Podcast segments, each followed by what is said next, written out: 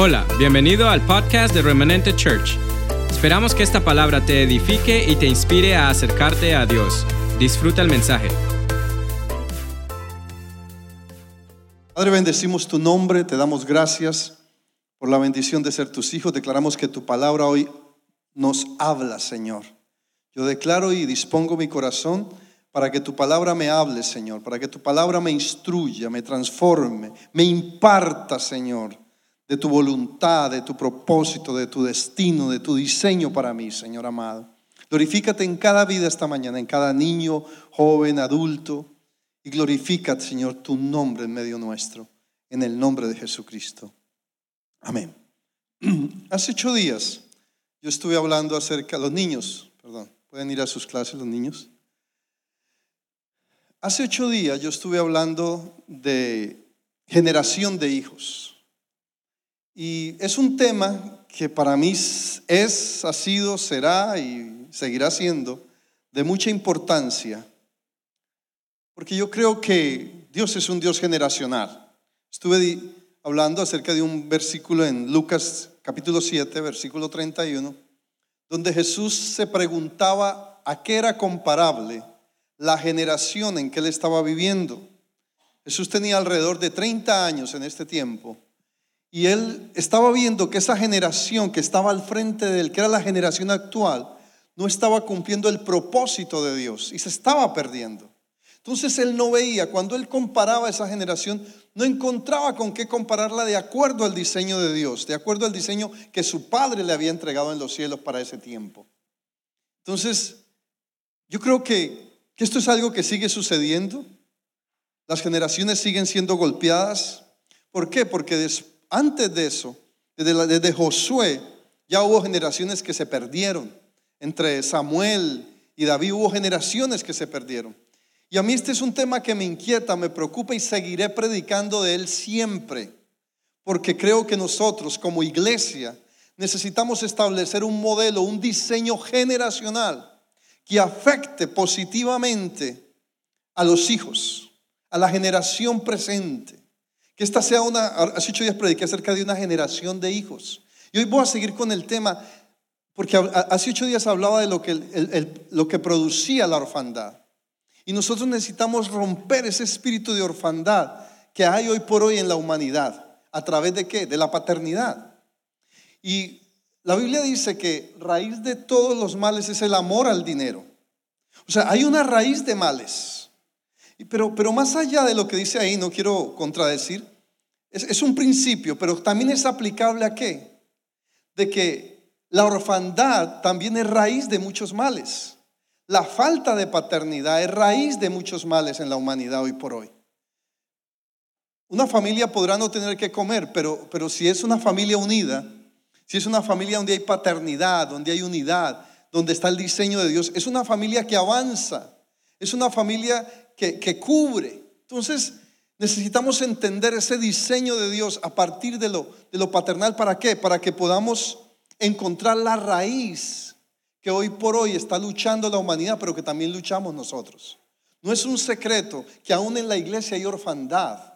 Por eso hay vacíos, por eso hay batallas, por eso hay luchas. Y mi deber, mi trabajo como tu pastor, es ayudarte a encontrar esas raíces que, a veces detienen el propósito, el destino de Dios para nosotros. ¿Por qué? Porque yo estoy seguro que tanto tú como yo queremos cumplir el propósito de Dios para nuestra vida. Yo no creo que usted y yo estamos aquí en esta tierra para nacer, crecer, fructificarnos y solamente morir. No, tenemos un propósito específico de Dios que aunque es, es transitorio en la tierra, tiene una connotación eterna. Lo que nosotros hagamos aquí tiene connotación eterna y necesitamos aprender a caminar en esa dimensión. Y mi trabajo como tu pastor es instruirte, enseñarte, es, llevarte a, avanzar y entender aquellas cosas que a veces te detienen para superarlas, para, para poder traer ese, ese cambio, para ir de esa gloria menor a esa gloria mayor. Entonces cuando estamos hablando de este tema de paternidad, es porque necesitamos conocer al Señor dentro de esa dimensión de paternidad que nos da potestad, que nos da derecho, que nos da legalidad. Dice la Biblia en Juan capítulo 1, versículo 12, que a los que creen en su nombre les dio qué? Potestad, autoridad, derecho legal de ser qué? Hijos. O sea que los que tenemos la potestad, los que tenemos el derecho legal, los que tenemos eh, la autoridad de usar ese poder, somos los hijos. Amén. O sea, la plenitud del poder de Dios se manifiesta en quienes, en las ovejas, en los discípulos, en quienes, en los hijos, en los hijos. Entonces, si nosotros vemos el libro de Juan, eh, del Evangelio de San Juan, Jesús se, se toma y la historia toma un libro completo para hablar de lo que era la relación, de lo que era el éxito de Jesús. El éxito de Jesús fue precisamente en la tierra, esa relación que tenía con el Padre, esa intimidad que él tenía con el Padre, el poder saber que a pesar de lo que le esperaba en la cruz, él no era huérfano. Él no era huérfano. Entonces, esta mañana yo quiero hablarte precisamente de, de esa paternidad generacional. Necesitamos entender. Yo, este es un tema que yo he hablado mucho a través de, de los tiempos. De hecho, el eslogan de remanente es transmitiendo la esencia del Padre. Entonces nosotros necesitamos entender cuál es esa esencia. Nosotros necesitamos transmitir esa esencia. A través de que de conocer a Dios como Padre. La iglesia de hoy necesita, no importa la iglesia que levantemos, no importa lo exitosa que sea la iglesia, no importa lo, lo, lo grande que sea o pequeña que sea la iglesia, no importa lo contemporánea que sea la iglesia, hay una esencia de ese diseño que es la paternidad. Entonces necesitamos transmitir ese legado y convertirnos en iglesia, en un pueblo que transmite una paternidad generacionalmente, porque hasta ahora, y ya voy a hablar un poco más de eso, lo que ha habido es una orfandad generacional. Vamos a abrir nuestras Biblias en Génesis capítulo 17.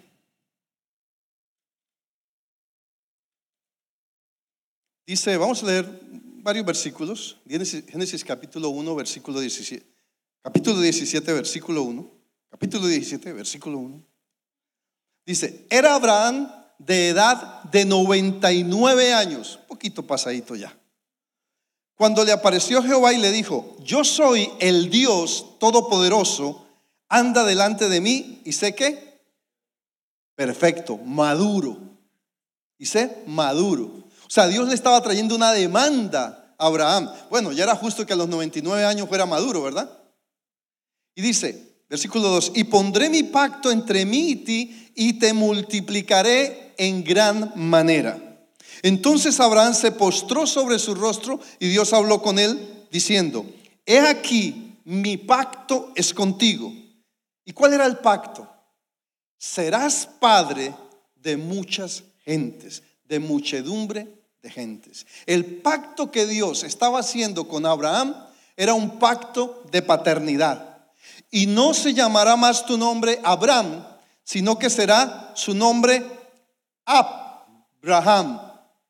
La partícula AB en el hebreo es padre, es paternidad. Entonces él le estaba añadiendo a Abraham o a Abraham, le estaba añadiendo esa partícula dándole no solamente un título, sino estableciendo sobre él una identidad paternal para lo que era ese pacto que él estaba haciendo con Dios. Y dice el versículo, dice, dice además, sino que será tu nombre Abraham, porque te he hecho o te he puesto por padre de muchedumbre de gentes, de mucha gente. Dice, y te multiplicaré con gran manera o en gran manera, y haré de ti que naciones de ti. Imagínese, a partir, si usted empieza a visualizar, y me encanta hacer esto, ese versículo, Dios viene y hace un pacto con él. ¿Qué pacto? De paternidad. ¿Con qué propósito? De que esa paternidad estableciera naciones. De que esa paternidad implantara, trajera, trajera gobierno a las naciones. Dice, y te multiplicaré en gran manera y haré naciones de ti y reyes saldrán de ti. ¿De qué? de los lomos de un padre, de los lomos de la paternidad. Y estableceré mi pacto entre mí y ti y tu descendencia después de ti. ¿En qué? En sus generaciones. Wow, yo, yo leo esto y a mí se me vuela la mente.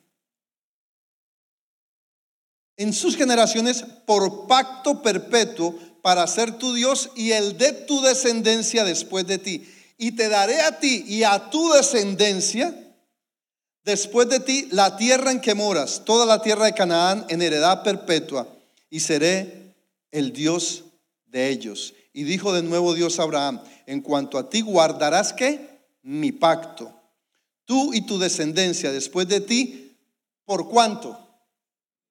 ¿Por cuánto? Por sus generaciones. Y déjame decirte esta mañana, las generaciones que Dios estableció en Abraham todavía siguen su curso. Tú y yo somos parte de esas generaciones. Amén. Este es mi pacto, dice el Señor, que guardaréis tú y tu descendencia, y vosotros y tu descendencia después de ti será circuncidado todo varón entre vosotros. Bueno, entonces, ¿qué nosotros vemos en este pasaje? Que Dios hace un pacto con Israel, pero hay algo interesante que podemos visualizar en este pasaje. Dios estaba interesado no solamente en establecer el modelo, el diseño que desde el cielo Él había creado para la tierra, para Abraham, sino que además Dios le estaba diciendo a Abraham, yo quiero que tú en la tierra seas ese modelo, ese diseño institucional. O sea, que por un lado era un diseño y un modelo espiritual, celestial, pero por otro lado era un diseño para la tierra, era un diseño para establecer las naciones. Por eso es institucional. De tal forma que en Abraham y en ese pacto que él estaba haciendo Dios, Dios estaba asegurando que su diseño paternal, que su diseño de paternidad para la tierra, que su diseño generacional fuese establecido a través de un hombre, el cual dentro de ese pacto incluyó que ese hombre a través de un hijo establecería naciones. Amén. Entonces nosotros como iglesia somos parte, hacemos parte de este pacto. Entonces, cuando hablamos del pacto, inclusive, déjeme decirle algo más, en naciones como Israel, naciones como la nación islámica, ellos establecieron, bien o mal, ese mismo pacto institucional. ¿Por qué? Porque el pacto que Dios hizo con Abraham hace parte no solamente de la vida espiritual de la nación de Israel, sino de la nación como tal gubernamentalmente. ¿Por qué? Porque tanto la nación hebrea como la nación islámica reconocen a Abraham como su padre. Entonces, entendiendo esto, y, puede sonar una, una frase muy de cliché cuando hablamos de paternidad generacional, pero yo voy a ir haciéndome entender qué quiero decir con paternidad generacional. Porque si miramos bíblicamente, encontramos que el diseño de Dios, el diseño eh, pensando generacionalmente, era un diseño paternal, era un diseño que le ofreciera a la tierra una paternidad asegurada. De hecho, y voy a hablar un poco más adelante de ello, la palabra patria viene del vocablo griego patria, que quiere decir generación o paternidad generacional pero también quiere decir derecho legal de un ciudadano de obtener paternidad. Patria. O sea que cuando usted está diciendo, ay, extraño mi patria, usted realmente lo que está reclamando es paternidad. Cuando usted dice, yo amo mi patria, ¿cuánto decimos? Viva mi patria Bolivia, tierra tierra. Esa es la canción. Entonces estoy reclamando qué? Paternidad.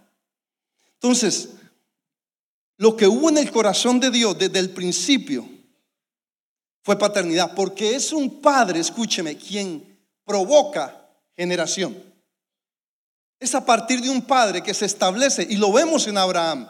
Abraham 99 años, no tenía hijos, pero vino un hijo, Isaac, y él estableció que una generación que posteriormente se manifestó en Jacob y luego en sus doce hijos. O sea que lo que Dios estableció y debe quedar claro en nosotros fue una paternidad generacional. Pero si hacemos un recorrido histórico a través de la Biblia, o, inclusive hasta hoy, y mirando aún nuestra cultura, lo que hemos heredado es una orfandad generacional. ¿Por qué la disfunción de los hogares? Eso trae una orfandad generacional. Porque los hispanos hemos sido prolíferos. ¿Sabes lo que es prolífero? O sea, hemos tenido hijos bastantes. Ahora no tanto, pero en la época de nuestros abuelos, ¿cuántos hijos tuvo? 17. Y mi abuela, 20 y se murieron 10. O sea, tuvo 30. Como así, ¿no? Y, eso era, había una, una mentalidad prolífera, pero no necesariamente paternal. Porque lo paternal no lo hace cuántos hijos tengo. Yo les 18 días lo hace la plenitud de hacer uso en los hijos de lo que Dios me entregó. Eso es paternidad. Es generar, es, es, es proveer, es proveer vida, es impartir naturaleza. Por ejemplo, en mi casa, eso, eso, eso hubo proliferación en mi casa.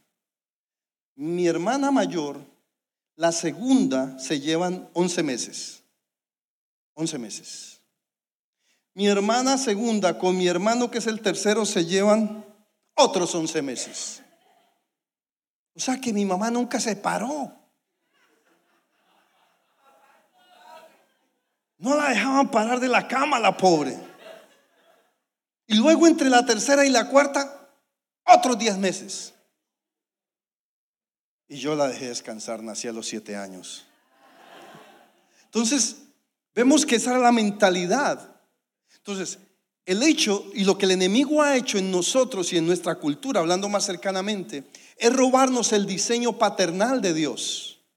Y lo que se ha establecido es que orfandad, porque vemos, y especialmente vengamos más acá, en esta nación, la población hispana, vemos demasiado mujeres solas criando a los hijos.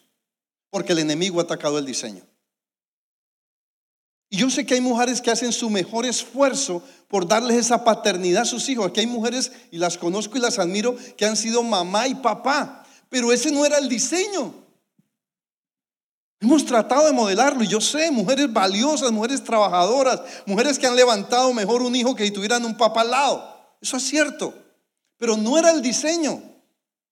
Entonces necesitamos recobrar el diseño para romper el espíritu de orfandad, para que el diseño de Dios establecido en los cielos realmente se manifieste en la tierra como Él le prometió a Abraham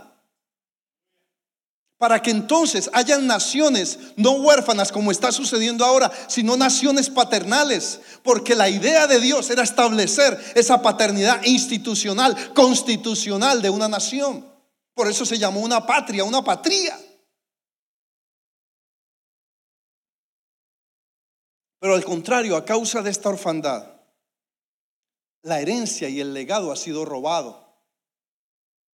Ha sido robado. Y, en cambio, ha habido una herencia de dolor, una herencia de iniquidades. Entre herencia y legado hay una diferencia. Herencia tiene que ver con lo material que se hereda, para ser más claro. Legado tiene que ver con, con la naturaleza que se hereda. Entonces, necesitamos establecer legado, pero también herencia. ¿Por qué? Porque la herencia refleja la efectividad de un legado. Póngalo en Facebook. Herencia refleja la efectividad de un legado. Pero ¿qué sucede? Mire, yo estoy muy interesado en romper, en quebrar, en, en ir a la raíz. Porque nosotros dejamos en nuestra cultura hispana pervertir el diseño. Pervertir el diseño. Y necesitamos ser más conscientes. Esto suena fuerte, pero dejamos pervertir el diseño porque llegó el punto en que la mujer terminó, terminó aceptando un rol que no le correspondía por obligación. Y eso se fue aceptando. Se fue aceptando. Y se, sigue, y se sigue moviendo porque hoy por hoy nuestras jovencitas de 13, 14 años ya quedan embarazadas. Y es una manera como el diseño se va pervirtiendo. Y la iglesia, ¿qué estamos haciendo por restaurar, por sanar el diseño? Porque si esto se sigue pervirtiendo, hablo del diseño, entonces la orfandad reinará sobre la tierra y seguirá reinando. Y cuando eso sucede, siempre habrá vacío, siempre habrá desorden, siempre habrá iniquidad, y nunca, escúcheme, por eso es que se está perdiendo el modelo y el diseño de gobierno, porque gobierno y autoridad se establecen a través de la paternidad. ¿Cómo empezó la nación de Israel? A través de un padre. Mírelo, Abraham transmitió un legado sobre Isaac, Isaac transmitió un legado sobre Jacob. Jacob transmitió un legado sobre, él intentó sobre sus doce hijos, pero hubo, que, hubo aquellos que sí lo tomaron, entre ellos José. José, haciendo un poco de memoria de la historia de José, José vivió desde que salió de su casa obligatoriamente porque sus hermanos lo vendieron, lo tiraron a una cisterna, lo llevaron esclavo a Egipto fue preso en Egipto, fue abandonado y olvidado en Egipto, pero hubo algo que sostuvo a este hombre y ¿sabe qué fue? Que él nunca olvidó el legado de su padre y la paternidad que él había recibido de Jacob. Eso lo sostuvo. El amor a su padre. Él, era, él sabía que él era el hijo amado, porque él sí se dedicó a tomar la paternidad de su padre, a tomar su derecho. Ese sí entendió lo que era tener potestad de ser hijo. Y esa potestad lo llevó a gobierno. Esa potestad que él tuvo, ese legado que él tomó, esa herencia que, él eh, eh, abrazó, fue lo que lo llevó, le dio fuerza, le dio la capacidad, le dio la potencia, le dio la autoridad, le dio la inteligencia, le dio todo aquello que él necesitaba para que se convirtiera en un gobernador de una nación que no era la suya, pero de la cual fue llamado Padre. Entonces, si estamos hablando de paternidad, necesitamos conocer de dónde se genera. La fuente de paternidad está aquí. La fuente de paternidad no está en la biología. La fuente de paternidad nació en el corazón de Dios. Y es por tanto que necesitamos entender, conocer, manejar, familiarizarnos con el diseño con el pacto que Dios hizo, de dónde se generó, por qué requerimos de paternidad, para que el diseño, para que la tierra funcione conforme al corazón de Dios y haya gobierno y no suceda lo que está sucediendo ahora en toda Latinoamérica, desde Brasil donde empezó ese movimiento, Chile, Bolivia, Ecuador, Colombia, esta semana, que ha habido? Ha habido un desmantelamiento, ¿por qué? Porque la falta de paternidad ha traído sobre la gente una rebelión, una rebeldía sin causa donde lo último que terminan en su frustración y en su abandono y su orfandad es destruyendo todo lo que encuentran en su paso.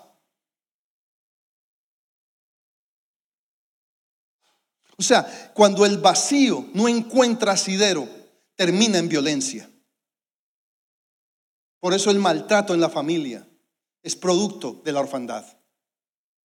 Por eso cuando hay un hombre abusador o aún una mujer abusadora, porque las hay también, aunque sea verbalmente, es por, el tema de la orfandad, porque no hay conocimiento de la paternidad de Dios en sus vidas. Y ese es mi, mi, deber, ese es mi llamado esta mañana, a implantar en ti el diseño, a que levantemos una generación ya no de orfandad, sino una generación de hijos, una generación paternal, donde la paternidad tome lugar, porque cuando la paternidad toma lugar, toma lugar gobierno, y cuando el gobierno toma lugar, toma lugar el orden, y cuando el orden toma lugar, hay autoridad, hay dominio, hay potestad, amén. Dale ese aplauso al Señor.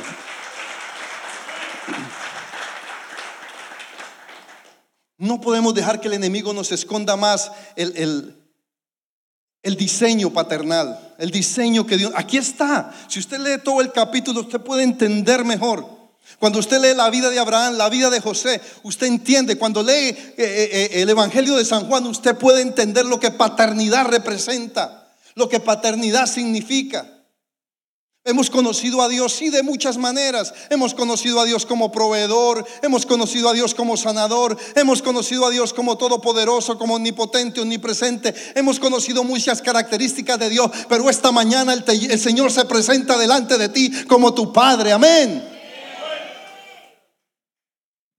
Porque es a partir de ahí que tú disfrutas de derecho a todos los que le recibieron, a los que creen, creen, creen en su nombre. Nos ha dado potestad, nos ha dado derecho, nos ha dado legalidad de usar nuestra naturaleza de hijos y reconocer a partir de ahí que tenemos Padre. Nosotros podremos hacer mucho para establecer una generación, pero no lo lograremos si no entendemos el diseño paternal de Dios. Podremos tener las mejores estrategias, podremos tener las mejores iglesias, las más contemporáneas, el mejor grupo de alabanza, la mejor predicación. Podremos tener, pero si no tenemos ese diseño paternal claro, no, no, no podremos avanzar, no podremos fluir en el propósito y en el destino que Dios preparó para nuestras vidas. En la Biblia habla de lo que se llama casas paternas, para que usted entienda mejor cómo se movía, a partir de Abraham, cómo se movía el pueblo de Israel. Y nomás en el libro de números, empezando el Pentateuco, los primeros cinco libros de la Biblia, 39 veces encontré la expresión casas paternas. Luego en jueces, luego en crónicas, y si usted va, hace un recorrido por el Antiguo Testamento, habla de las casas paternas. Eran como escuelas de paternidad que se establecían. Entonces la Biblia tiene mucho contenido acerca de paternidad que nosotros hemos ignorado. ¿Y por qué hacer tanto énfasis en esto? Yo, yo predico a veces en el año, siempre tomo este tema porque Dios trae nueva revelación. Porque yo creo, yo soy un convencido que sin paternidad, o sea, en orfandad, nosotros no alcanzaremos la plenitud de lo que somos en Dios. Porque la orfandad nos roba, la orfandad nos, lo que trae a nosotros es vacío, la orfandad lo que trae es desorden, la orfandad lo que trae es que eh, perdemos pertenencia, no hay identidad, en la orfandad no hay identidad. Yo lo hablaba hace ocho días. La paternidad trae identidad, la fuente de la identidad. Hoy por hoy se pelea por la identidad de género, por la identidad de, de, de mucha espiritual. Pero la Biblia nos dice en Efesios capítulo 3, versículo 14, que el Dios y Padre de nuestro Señor Jesucristo, en quien toma nombre toda familia de la tierra, o sea, en quien toma identidad, a partir de qué? De la paternidad. Salud.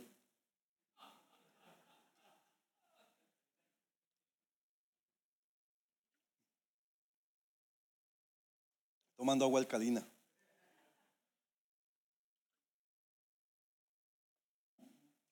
Las casas paternas. Escúcheme, ¿qué es una casa paterna? No, una casa paterna no es una casa donde hay papá.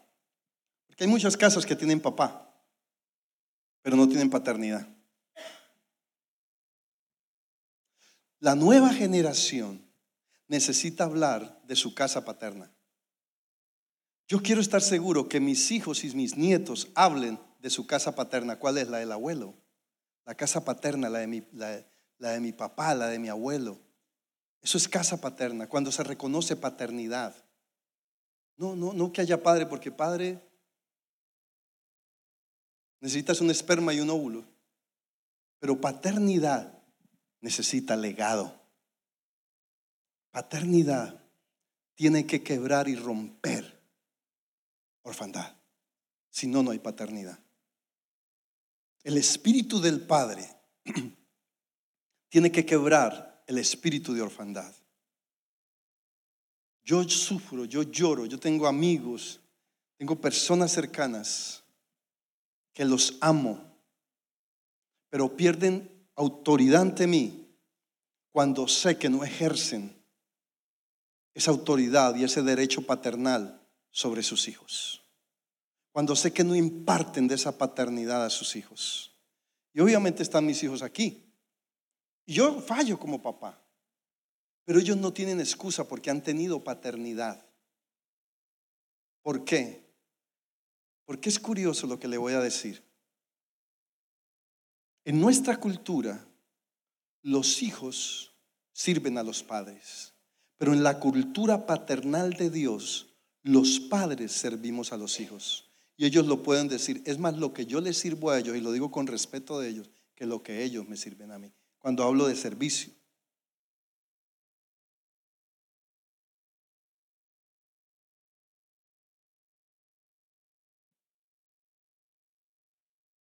¿Por qué? Porque yo no espero que mis hijos me mantengan.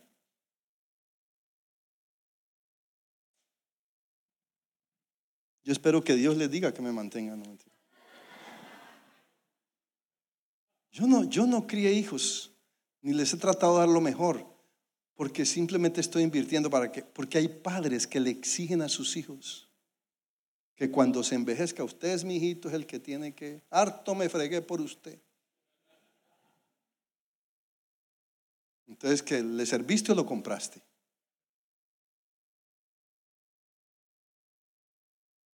Necesitamos establecer, retomar, reconstruir, restaurar, restituir el diseño paternal porque se está perdiendo. Y si se pierde el diseño, nosotros podemos hablar de generación. El congreso que hicimos en Colombia se llamaba Influencia Generacional. Y hablamos mucho de generación. Pero hablamos de paternidad, ¿por qué? Porque sin paternidad no, no, habrá cultura generacional. Ni en lo natural, ni en lo espiritual. Entonces, si, los, si el pueblo de Dios y los cristianos queremos que haya un legado y no se pierdan las próximas generaciones, tenemos que establecer paternidad. Por eso voy a seguir hablando y lo voy a cansar hasta que usted, una de dos, o me escucha y aprende o me dice, me cansaste, pastor.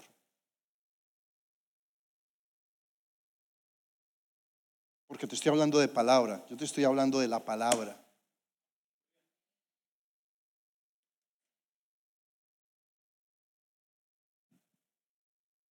Y José tenía injertado ese legado.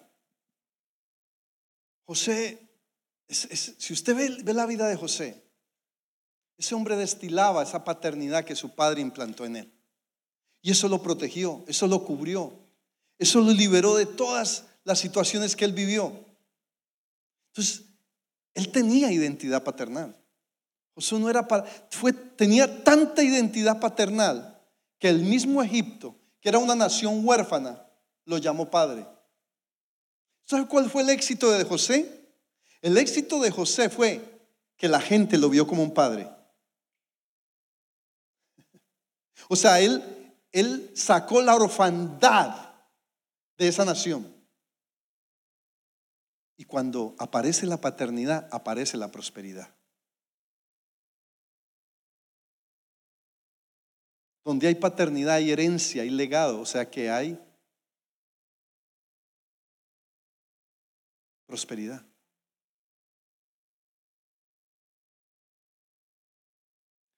Curiosamente, mire esto que le voy a mostrar, porque son cosas tan simples.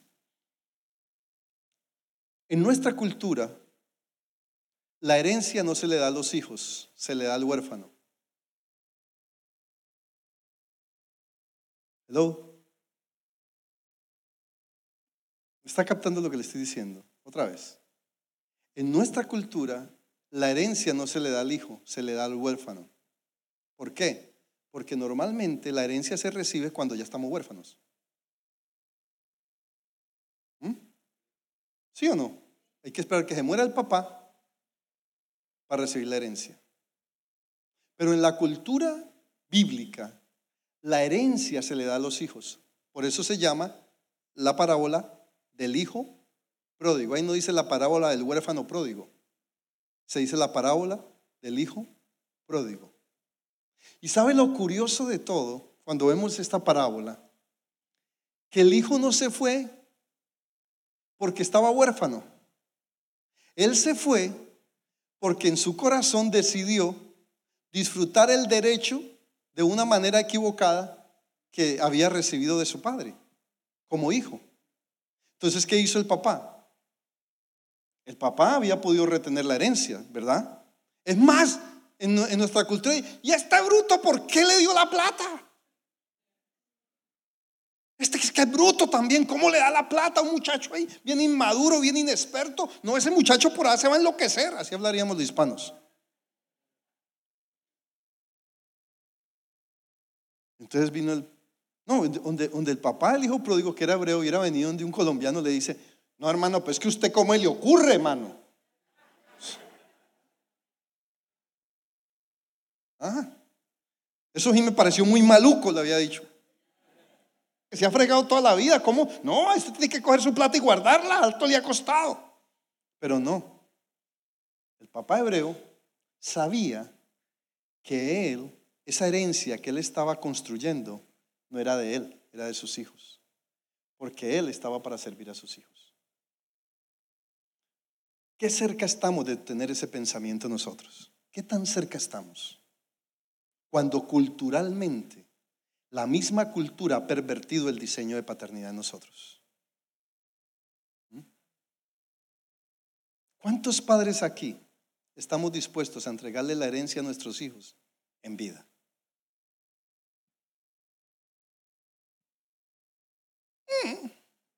Silencio en la sala.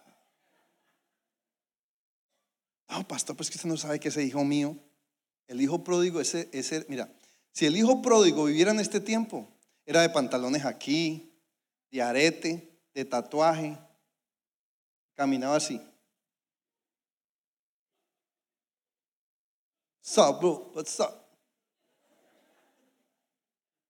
Y el padre le entregó la herencia igual. Pero tenemos los adultos tantos prejuicios que por eso patrocinamos orfandad.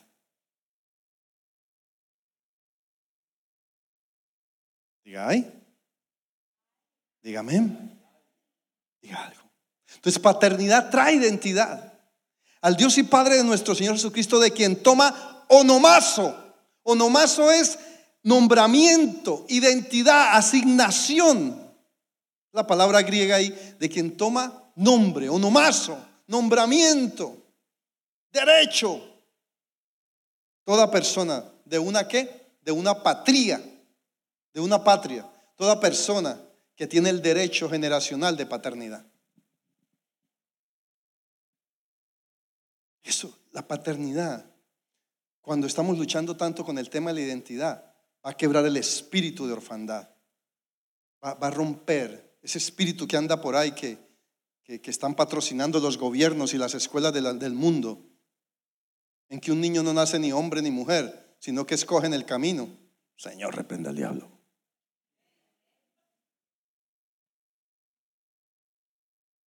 Pero cuando hay paternidad, tiene que haber identidad, tiene que haber identidad. También tendremos una generación que a causa de la paternidad adquiere pertenencia. Dice Salmo 68, 5 que Dios es padre de desamparados, o sea, de Yatón y Yaquitz. Significa hijo, solo, sin pertenencia. De esos es que Él es padre. Él viene a ser padre, de esos no, de todos, pero viene a ser padre de aquellos que no tienen pertenencia. Eso es lo que la paternidad trae sobre nuestras vidas. Escucha esto. Hace un tiempo, en Colombia, alguien me dijo, yo estoy buscando un mentor. Yo le dije, yo no soy mentor.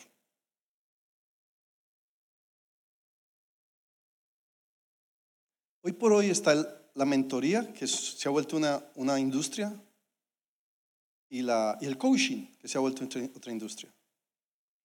Yo le dije, yo prefiero ser padre que ser mentor. Porque el mentor quería ser un clon. El mentor hace que otro sea igual a él. Eso es lo que hace el mentor. El coach lo que hace es que saca lo mejor de ti para que cumplas tu destino, tu propósito. Pero el padre implanta naturaleza.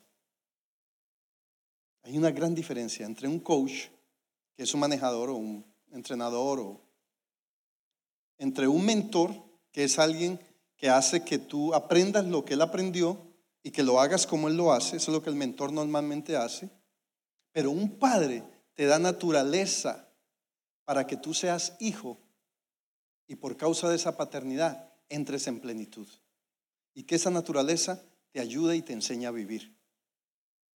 Ahora, necesitamos mentores, no me malentienda.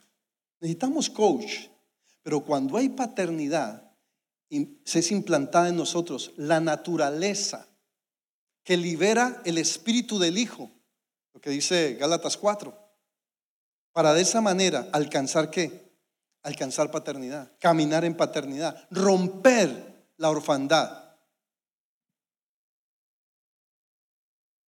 Y entonces también tendremos, y esto siempre lo voy a decir, cuando hay paternidad, tendremos una generación sin vacío y con orden. Con orden. Porque donde hay vacío, ya lo sabes, siempre lo he dicho, hay desorden. Donde hay vacío, no hay gobierno, no hay autoridad, hay orfandad. Y el vacío distorsionó el diseño, nos hizo vulnerables. La, la, orfandad, la falta de paternidad nos ha hecho vulnerables en lo emocional. Por eso es que hoy andamos en la cultura del drama, hashtag drama. Todo se vuelve emocional de repente, porque no hay seguridad, no hay pertenencia, no hay identidad. Váyase un momentico al Salmo 108. Quiero leerle algo. Ya, ya, ya voy entrando en la recta final. Salmo 108.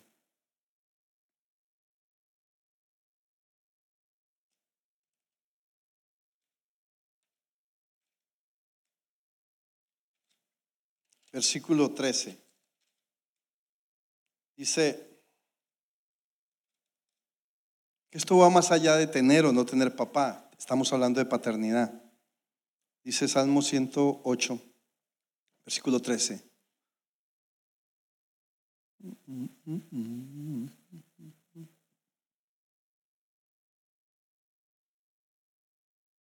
No, no es ese.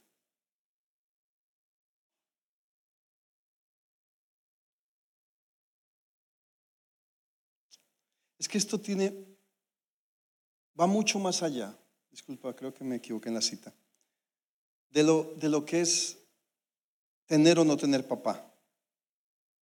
O de tener un padre espiritual. Va mucho más allá. Porque a veces se ha manipulado con el tema de la paternidad. Tiene que ver con que conozcamos el corazón paternal de Dios a través del pacto que él hizo con, con Abraham.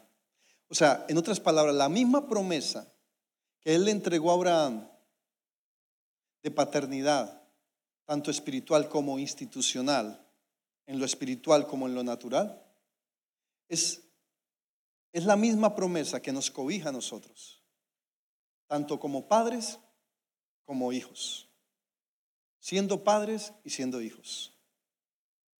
Y es conocer esa paternidad de Dios para que haya que menos orfandad, menos orfandad. Y termino con esto.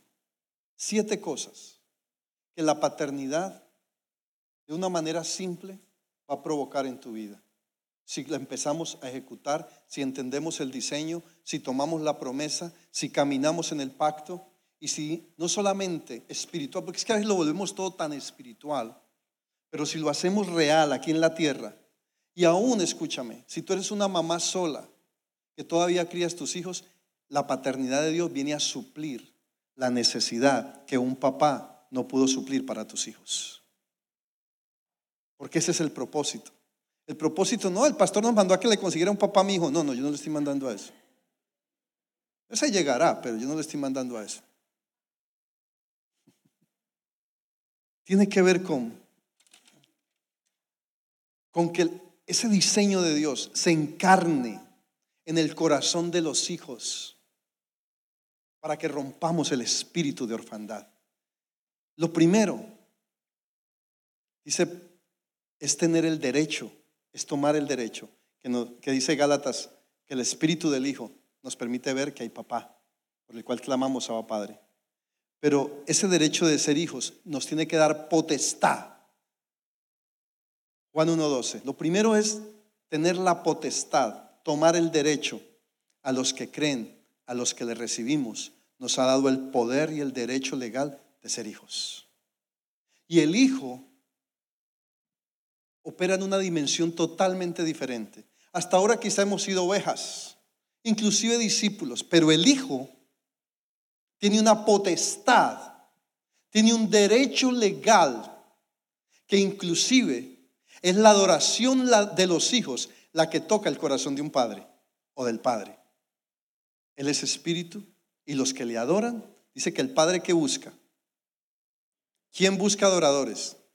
El padre. ¿Y un padre busca qué? Hijos. Un padre no busca ovejas. Un padre no busca discípulos, no busca sobrinos, busca hijos. Y la, la potestad de hijo me da la más alta dimensión de adoración. No alcanzaremos la, la, máxima o la plenitud de adoración como huérfanos, sino como hijos. Eso es lo primero que la paternidad trae a nuestra vida. El derecho legal de hijos. Lo segundo, dice Efesios 1.5 que hemos sido adoptados. Realmente la palabra ahí es injertados como hijos. Él nos injertó a Él. Y déjeme meterme aquí en algo que yo estoy investigando hace muchos años acá dentro de mis estudios aquí colaterales que yo hago, pues ahí le voy a soltar algo. Siempre me inquietó esa palabra adoptado. Pero resulta que en la adopción no hay genética. Y nosotros tenemos la genética de Dios. ¿Cuánto lo creen? Entonces realmente no fuimos adoptados, fuimos injertados, porque en la injerción se involucra genética. ¿Está entendiendo la dimensión de esto? No es simplemente ahí, soy hijo. Ah". No, es real. Tenemos la genética de Dios, porque el Espíritu de Dios, el Nechamá de Dios, la esencia de Dios fue soplada sobre nosotros. O sea que literalmente hay genética. Por lo tanto, usted más que un adoptado, usted es un hijo. Y somos de la congregación de los primogénitos. Y déjeme decirle, los primogénitos tenían doble porción. Eso que a veces religiosamente decimos, Señor, manda la doble porción, yo quiero doble porción. Eso es para los hijos. Si tú eres hijo, tienes doble porción. Porque cuando el hijo pródigo se fue, en la cultura hebrea, al hijo que primero, al primogénito, le entregaban el doble de lo que le estaban entregando al segundo.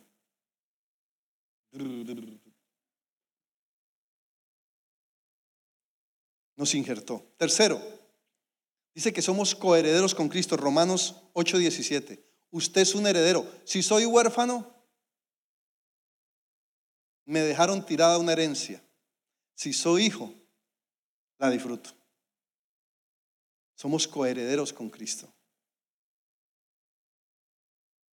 Es diferente. Casi lo que pasa con la orfandad pasa lo que pasa con la lotería en Estados Unidos. ¿Usted sabe que el 76% de los que se ganan la lotería en Estados Unidos la pierden? Más o menos pasa así con la herencia de un huérfano. Si un huérfano recibe herencia, está expuesto a perderla. Pero si un hijo la recibe, la recupera si la pierde, como el hijo pródigo. Porque ese era hijo, ese no dejó de ser hijo. Si él hubiera dejado de ser hijo, no había regresado al papá. Yo se los dije hace ocho días, lo que realmente el hijo pródigo extrañó fue la paternidad. Usted ve que todo tiene que ver con un papá y un hijo. Ay, me quiero volver porque me hace falta las arepas que mi mamá hace, las pupusas. Ay, extraño la comida de mi mamá. No. Él, él extrañó a su padre. Él volvió por su papá. Así que papá, usted encárguese de dar paternidad, que Dios se encarga de sus hijos.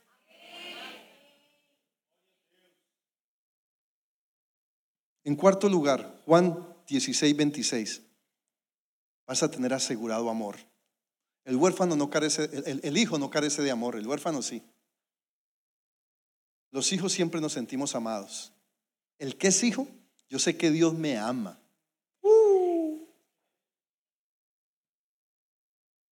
Yo sé que Dios me ama. Tú tienes que saber, que saber, que saber que Dios te ama. Y si tú sabes que Dios te ama, deja la orfandad en la iglesia. Ay, no me saludó. me miró mal. Ya, eso ya pasó de moda. Ahora ya hay otras cosas por qué enojarse.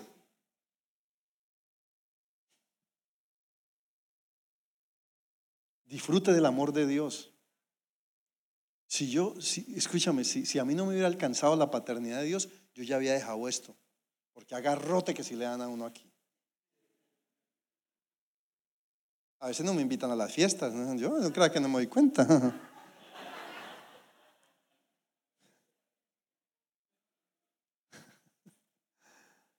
El amor de Dios está ahí para ti.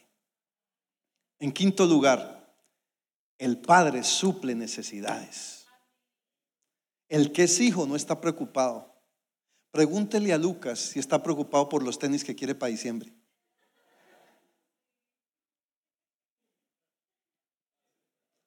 El que es hijo no se preocupa. ¿Por qué se va a preocupar si hay paternidad? Porque el padre suple.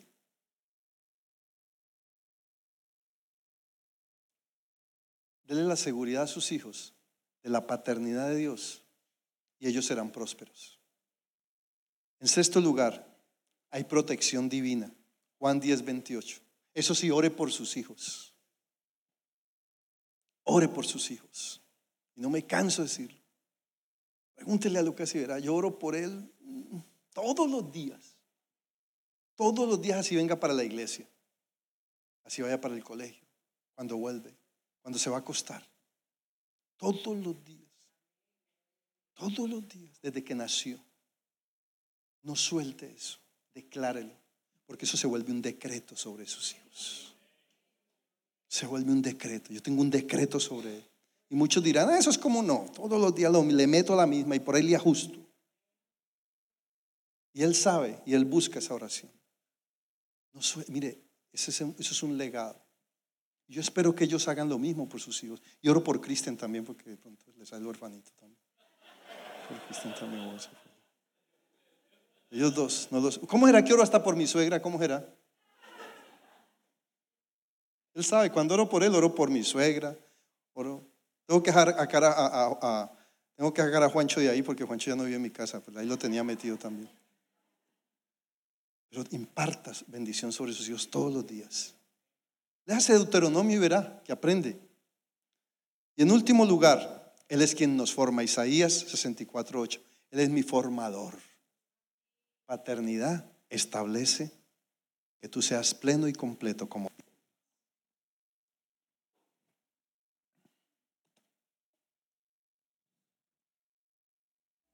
Preocúpese por el legado.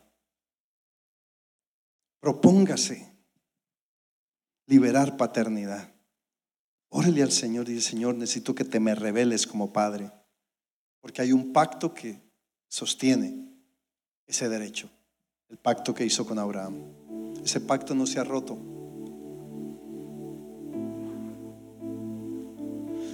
Padre, venimos delante de ti esta mañana. Nos humillamos y reconocemos nuestra necesidad de ti. Necesitamos conocer tu paternidad. Hoy nos acogemos a tu pacto paternal, a tu diseño.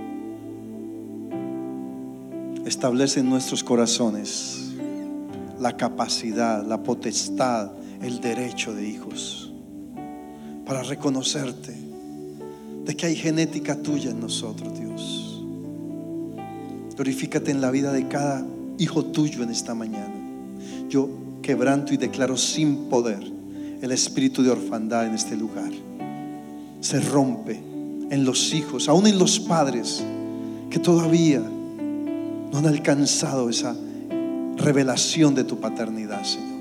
Instruye el corazón de los padres y haz que el corazón de los padres se vuelva hacia los hijos y los hijos hacia los padres en esta mañana. Glorifícate, Dios. Sana las heridas. Sana toda herida, Padre, que entre un padre y un hijo hubo, Señor todo lo que el enemigo trajo para romper, para dividir, para quebrar, esta mañana se quebranta. Yo declaro el poder de tu restauración, el poder de tu restitución paternal sobre nuestras vidas en el nombre de Jesús. Todo dolor, toda herida que se causó como padre a un hijo, hoy se sana. Hoy, hoy renuncia a la ofensa. Yo renuncio, diga, yo renuncio a toda ofensa que recibí de mi padre. Diga, yo declaro que soy hijo. Yo no soy huérfano, porque tengo a Dios y Él me dio la potestad de ser hijo. En el nombre de Jesucristo. Amén. Esperamos que este mensaje haya sido de bendición. No te olvides de suscribirte a nuestro podcast y seguirnos en Facebook e Instagram arroba remanente church.